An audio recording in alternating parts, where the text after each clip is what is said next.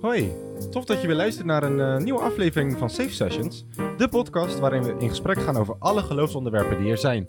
Ehm, ja, ik zit hier eh, met Laurens. Yes, dankjewel JP. Vandaag zitten we met dominee Paul Visser om het te hebben over de vraag... Hoe betrek je God in je eigen leven?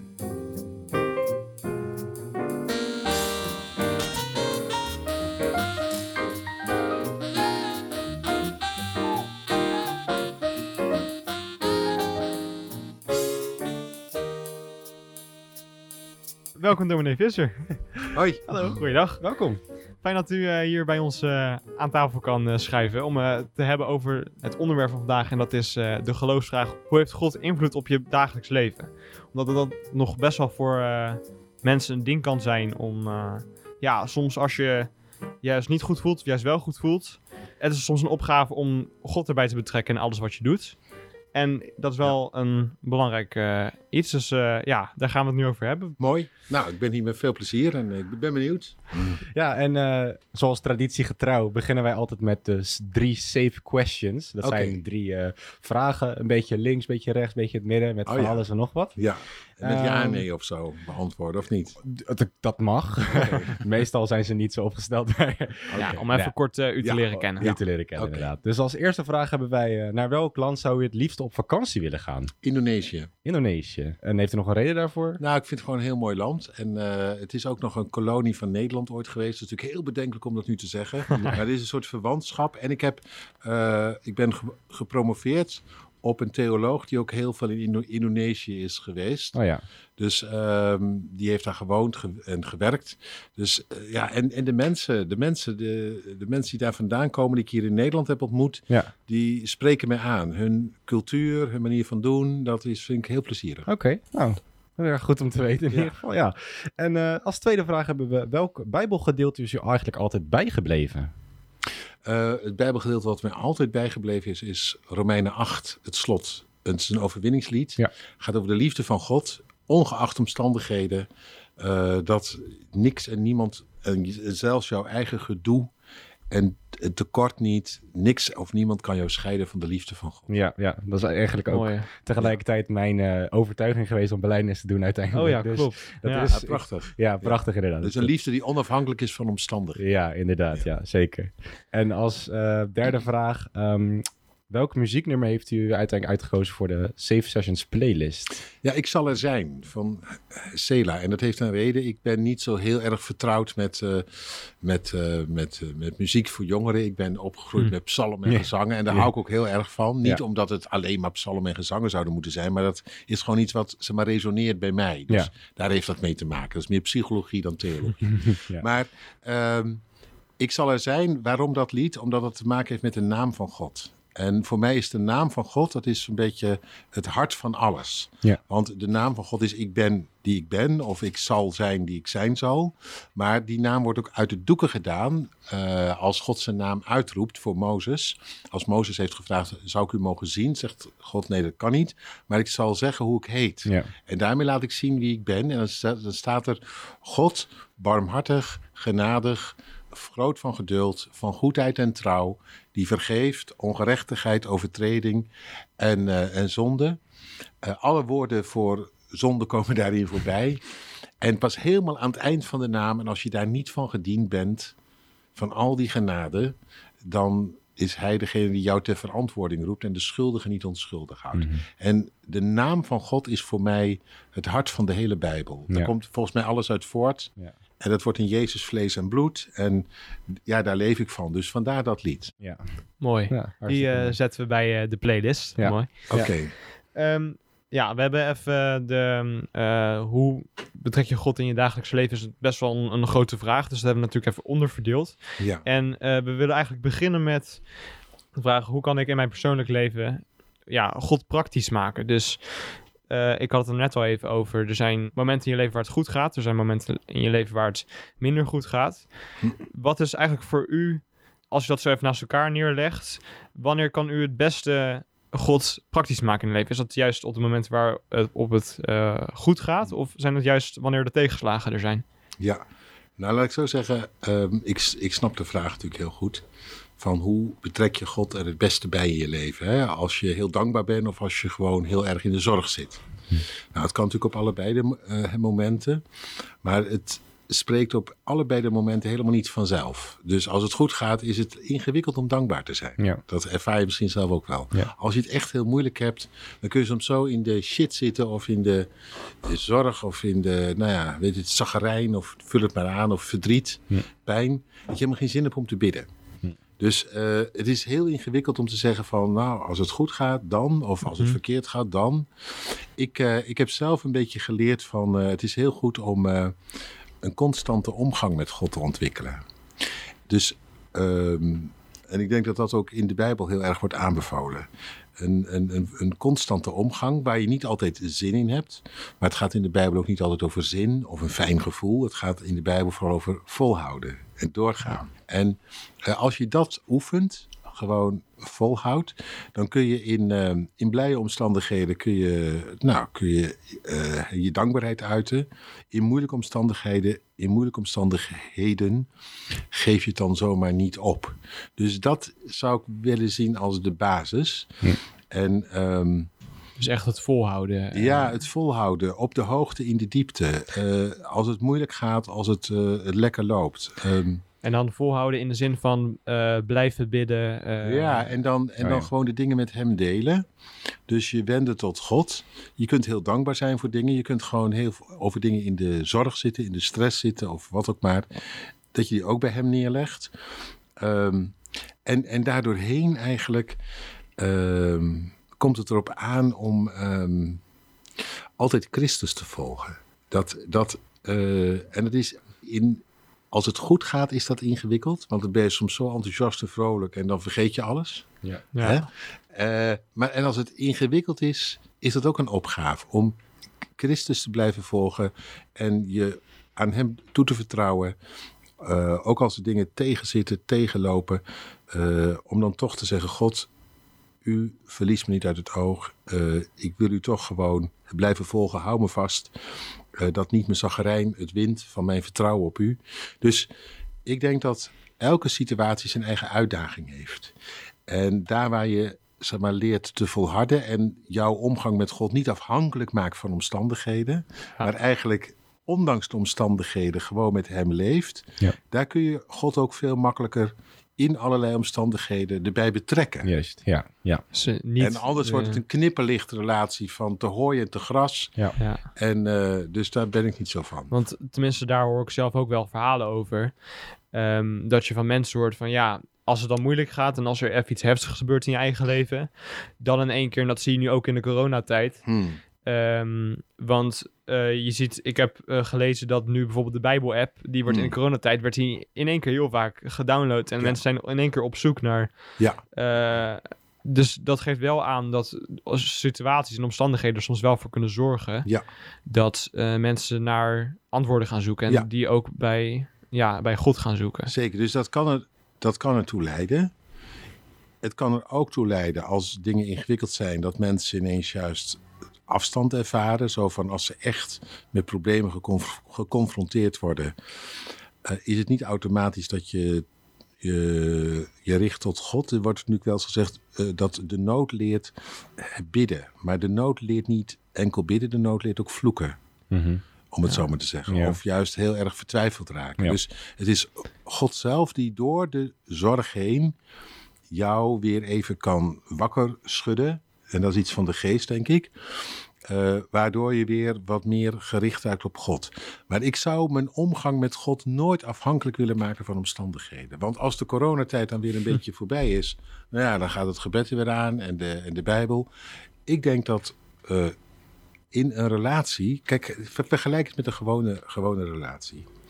Eh, het is de bedoeling in een gewone relatie dat je eh, elkaar ziet en hoort als het gewoon niet op kan. En het is een en al hè, geluk, vrolijkheid en blijheid. Dat is Ja. mooi. Ja.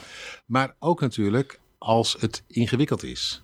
En stel je voor dat jij een relatie hebt waarin je alleen maar als het heel ingewikkeld is even omkijkt naar elkaar. Dus zo gauw het weer een beetje gaat dat je weer langs elkaar heen leeft. Mhm.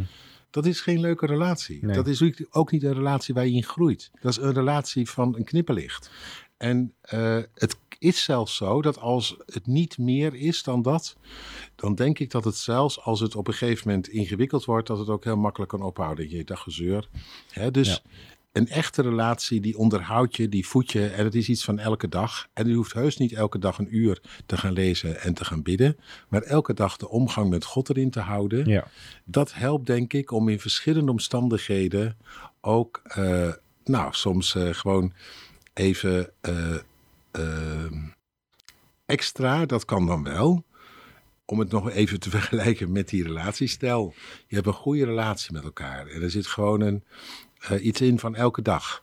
En je komt ineens in moeilijkheden terecht, de een of de ander. Als je dan het nodige met elkaar hebt, dan ben je eens te meer op elkaar betrokken. Ik denk dat het zo functioneert. Als jij gewoon een goede relatie ontwikkelt met God, door te volharden in gebed, in Bijbel, in omgang met Hem, dan zul je ook op momenten waarop het heel ingewikkeld is, soms, nou ja, even extra juist uh, die verbondenheid kunnen ervaren. En zul je ook ervaren dat God er in die moeite ook extra kan zijn. Dat zie je in psalmen bijvoorbeeld ook. Hè? Dat, dat dan, uh, dus ja, ik zou het heel erg vergelijken met een goede relatie. U bent uh, predikant in de, in de Noorderkerk in Amsterdam. Ja.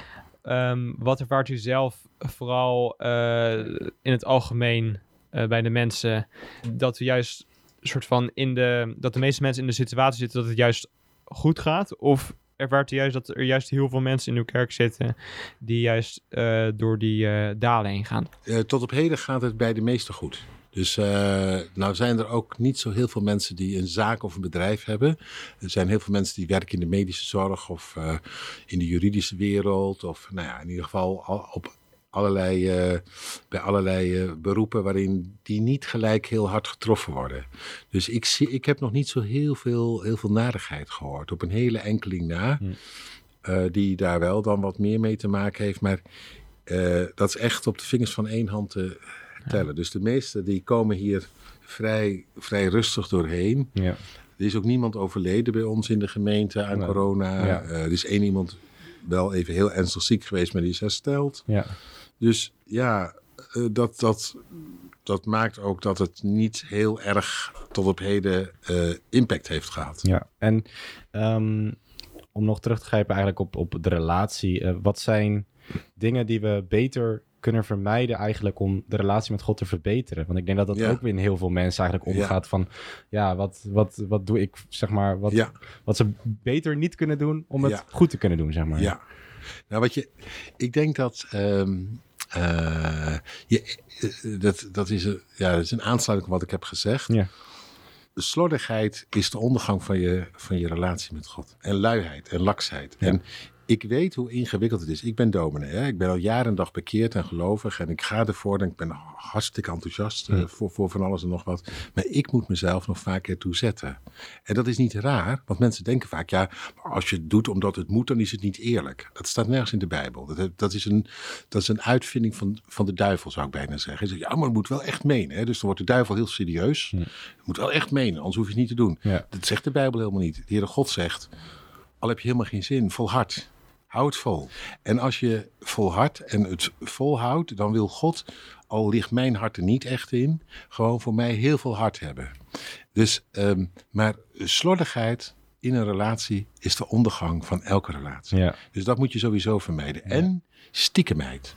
Als je zeg maar, stiekem onoprecht gedrag dat is natuurlijk ook, ja, dat kan je op je vingers uittellen. Dan gaat de relatie ook echt aan stuk. Als jij voor God niet open bent, al kom jij honderd keer met dezelfde zonde, dat kan. Of nog veel vaker. Maar alweer als je er niet meer mee komt, dan gaat die zonde zitten zieken. Dan gaat het afstand scheppen. Dan denk je op den duur, hoe langer hoe minder. Ja, ik kan eigenlijk niet, of hoe langer hoe meer, ik kan eigenlijk niet meer aankomen. Dus door en dat is ook iets van de boze. Die zegt, ja, maar nu kun je niet aankomen. Nu kun je niet aankomen. Dit is voor de twintigste keer. Dit is voor de vijftigste keer. En daar hebben jongeren denk ik ook heel veel last van. Want Zeker. er zijn ook gewoon terugkerende zonden. Absoluut. Denk maar bijvoorbeeld aan, uh, aan, uh, aan porno. Dat is hoofdzonde nummer één, denk ik. Heel veel jongeren denken, ja, maar als ik dat elke keer weer voel en dat verlangen en toch weer toegeef, hoef ik bij God niet meer aan te komen. Ze denken zelfs, als ik echt geloofde, dan zou ik dat nu niet meer hebben. Hm. Dat begrijp ik allemaal wel. Maar ik heb maar één, één remedie voor je. Het is niet het eerst zelf proberen op te lossen, want het gaat jou niet lukken. Nee. Jij gaat dat niet oplossen. Nee. Je gaat dat verlangen niet in eigen kracht overwinnen. Met al je goede voornemens niet. De enige manier is om, al kom je voor de honderdste keer of desnoods voor de duizendste keer. Ja. Jij gaat naar God en je blijft het bij hem beleiden. En het is om te janken, om te huilen bij wijze van spreken. En je denkt, ja, ik schaam mijn ogen uit mijn kop. Nou, dan schaam je ogen maar uit je kop, dat helpt. Dat helpt. Als jij je ogen uit je kop gaat schamen, dat helpt om te denken, en nu moet het misschien toch ietsje anders. Ja. En dat God zo genadig is en geduldig. Er staat dat hij 7 maal 70 keer vergeeft. Nou, daar kun je natuurlijk ook een loopje mee nemen. En dat zul je ook soms doen. Dat doen we allemaal. Hè? We zitten soms allemaal gewoon te profiteren van genade. We zijn gewoon ook profiteurs wat dat betreft. Maar laat je niet weerhouden. Laat je door de duivel niet wijsmaken van dat mag niet, dat kan niet. Want niet naar God toe gaan, dat schiet niet op. Dan weet je zeker dat het onkruid alleen maar gaat doorgroeien. Dus je moet, als onkruid heel hardnekkig is, moet je het blijven uittrekken. Dat is de enige manier om er vanaf te komen. Zeker waar. Dus eh, ja, eigenlijk kunnen we wel concluderen, we moeten gewoon God betrekken bij alles wat we doen en gewoon steeds naar hem terugkomen. Ja. Stel voor, we, er zit eh, nu iemand te luisteren en die denkt van, ik probeer mijn ehm, relatie met God te verbeteren. Alleen wanneer ik bid, ehm, wanneer eh, dan voelt het alsof ik tegen een muur aan het praten ben. Ja. Wanneer ik eh, muziek luister of eh, dan ik dat, dat, dat gevoel eh, Ja, snap er ik. niet is. Snap ik, ja. Eh, dat, is, dat, is, eh, dat, is, dat is iets wat ik herken. Eh, ik was, eh, nou, ik, laat ik zo zeggen, op mijn zestiende wist ik heel zeker wat ik aan God had.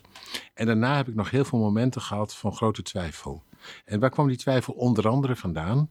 Uit wat jij nu hebt verteld. Dat is precies wat jij vertelt. Hè? Dat je zat te bidden, dat je denkt, ja, waar, waar gaat dat naartoe? En landt dat ergens? Je voelde geen verbinding. De dingen die spraak je niet aan. En is de neiging heel groot om te denken, ja, nou ja, dan maar niet.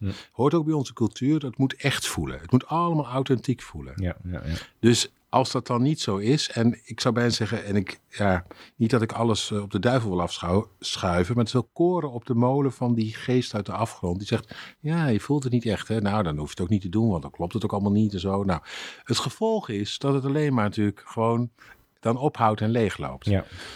Dus ik heb moeten leren. Ik vond het ook lastig, hè, als ik het dus niet voelde.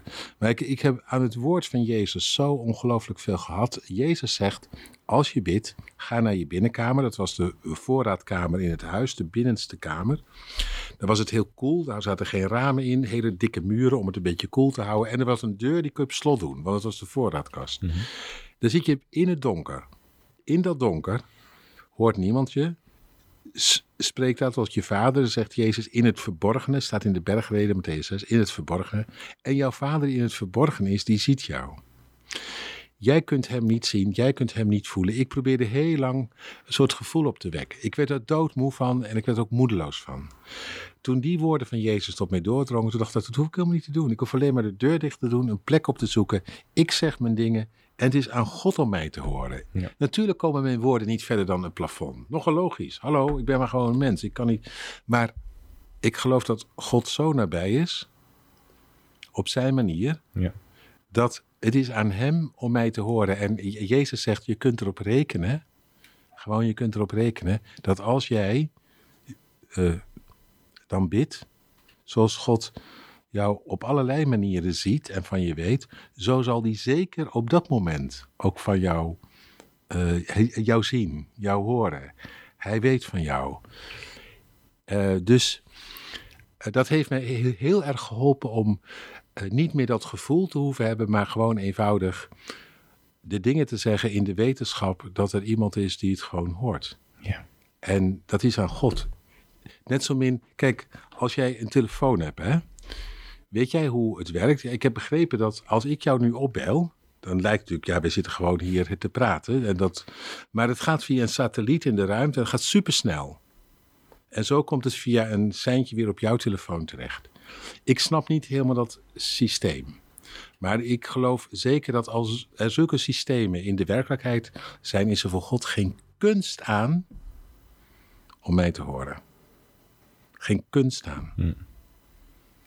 Dus Ja, mooi. Ja, absoluut. Ja, Oké. helemaal gelijk. Ja.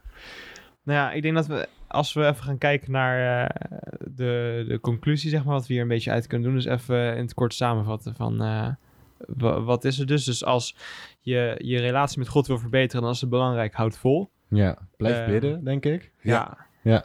Ehm, ik denk dat ik ook als eh, tip mee kan geven, en dat kan ik vanuit mijn eigen ervaring zeggen, ik haal heel veel eh, uit muziek. Ja. Ehm, Mooi. ik, denk, ik denk dat ik daardoor. eh, en omdat ik daar een, eh, eh, het gevoel van krijg dat God bij me is. Hm. Ehm, en eh, omdat het me ook weer herinnert als ik op de fiets naar school zit, dan, ik, dan let ik ook op de tekst. En dan word ik ook weer aan herinnerd van. Ja, eh, ja. Nou, als je, het is mooi als je hoofd vult met goede muziek. Met muziek die eh, jou op de goede manier het te denken geeft. Ik ga alleen één ding tegen je zeggen, Laurens. En dat Ja. is gewoon haast een beetje zeuren van mij. ja. Maar ik ga toch dit, deze zeuropmerking maken. Laat het niet zo zijn dat de muziek jouw gebed verdringt. Mhm. En dat je denkt, ja, maar ik haal het uit de muziek. Daar geloof ik dus niet in. En waarom geloof ik daar niet in? Is dat omdat ik een zware dominee ben? Nou, nee. Ja, misschien ook wel, weet ik veel. maar omdat ik... Om, dan moet je op Jezus letten. Ja. Jezus niet, ja, ik bid onderweg als ik wandel. En ik eh, bid als ik op de fiets zit. Ja, we waren nog geen fiets of op een ezel. hij liep meestal. maar Jezus, die zocht de eenzaamheid op en die zocht zijn vader. Ja. Ik, ik, ik ben ontzettend. Je mag voor mij net zoveel bidden op je fiets als je wil. Maar als je het vervangt en zegt: Ja, ik doe het zus en ik doe het zo. Ik denk dat wat Jezus heeft gedaan, als hij het nodig had om heel bewust even die omgang te zoeken met zijn vader, dan hebben wij het ook heel hard nodig. Ik heb mensen eh, eigenlijk eh, alleen maar geestelijk zien groeien als ze de moeite wilden nemen om de omgang met God heel bewust vorm te geven. Dat is een vorm. Als je water wil eh, drinken, kun je ook uit je handen drinken. Maar het is handig om een kopje te hebben, of een glas, of een beker. Je moet een goede vorm hebben om de inhoud vast te houden. Ja. Dus je mag van mij zoveel muziek luisteren als je wilt. En op de fiets en weet ik het allemaal. Maar ga ook die weg die, waarin Jezus ons voorgegaan is. Want daar zit volgens mij de basis. En ik denk met die woorden zijn we ook aan het eh, einde gekomen van de, ja, deze tweede aflevering met eh Dominee Visser. Yes. Mooi. Heel erg bedankt. Ja, heel erg bedankt inderdaad. Ik, ik, het is echt, eh, ja, het zijn inspirerende woorden die hij heeft gezegd. Zeker weten. Ja, Ik, en- eh, ik vond het leuk om hier te zijn. En ik vind een eer dat jullie me uitgenodigd hebben. en eh, ik hoop dat het eh, nou, voor degenen die het hebben gehoord eh, gewoon behulpzaam is. ja, hartstikke tof. Nou, dank u wel dat u erbij was. Yes, heel erg Oké, bedankt. dankjewel. Yes. Wil